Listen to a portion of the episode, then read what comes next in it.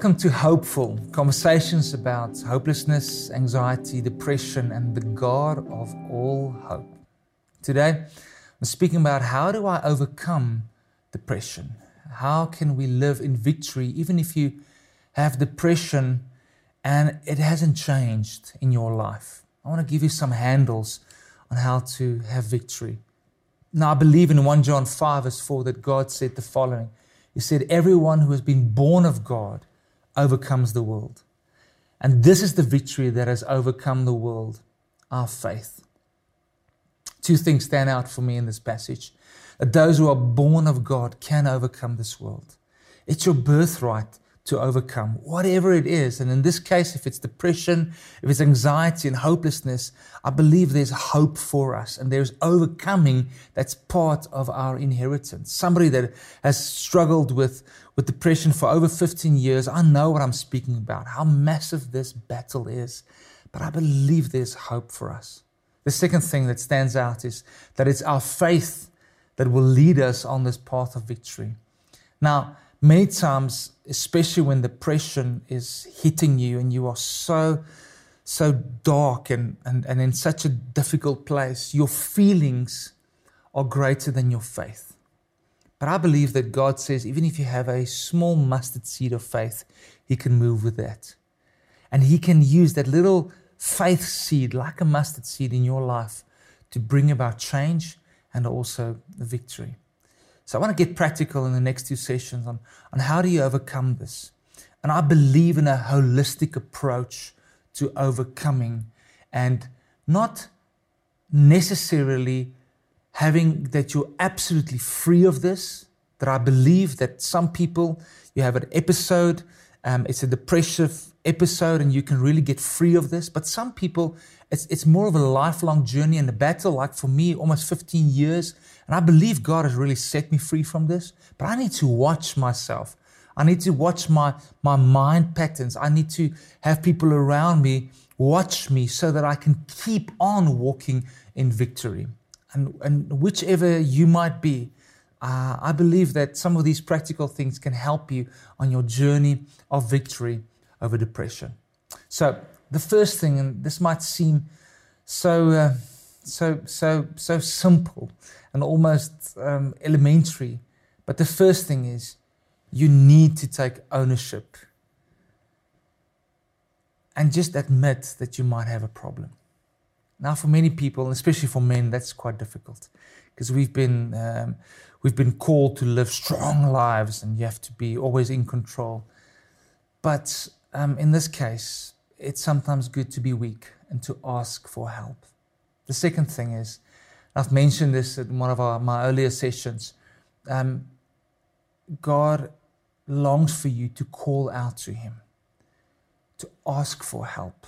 Psalm 18 that we read in one of our earlier sessions said that in my in my hopelessness, in my need, I cried out to God, and He actually heard my voice.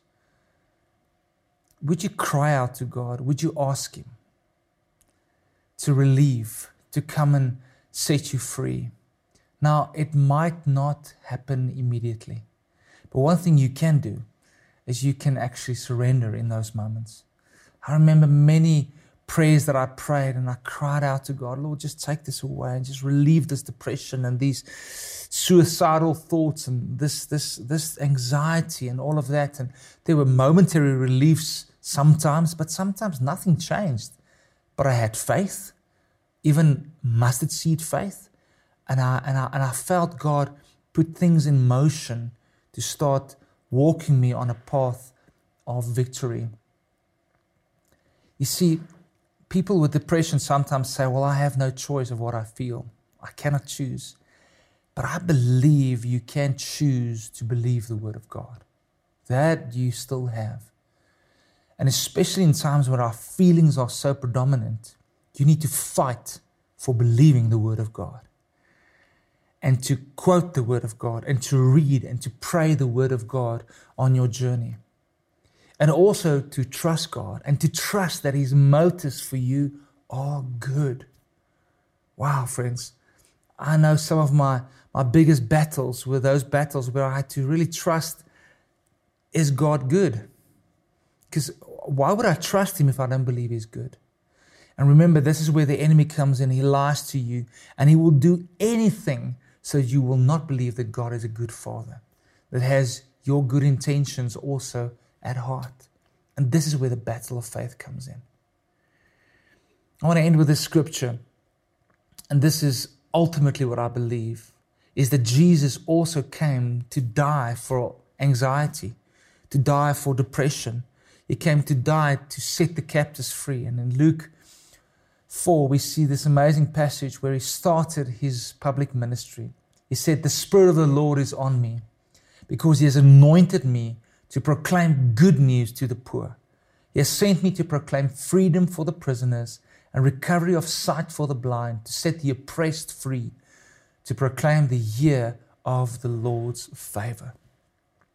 I believe Jesus can set free. He can set you free. If you're under oppression, no matter what it is, cry out to Him. And let's trust God together for a massive breakthrough in your life. Next session, I'll continue with how do I live in victory over depression and anxiety as we get even more practical on our walk together. Thank you for tuning into Hopeful. If you need more help, please go to mattersofthesoul.org to have a Christian psychologist's perspective on depression and to receive help. Alternatively, go to the website of the South African Depression and Anxiety Group or phone them on 080 045 6789.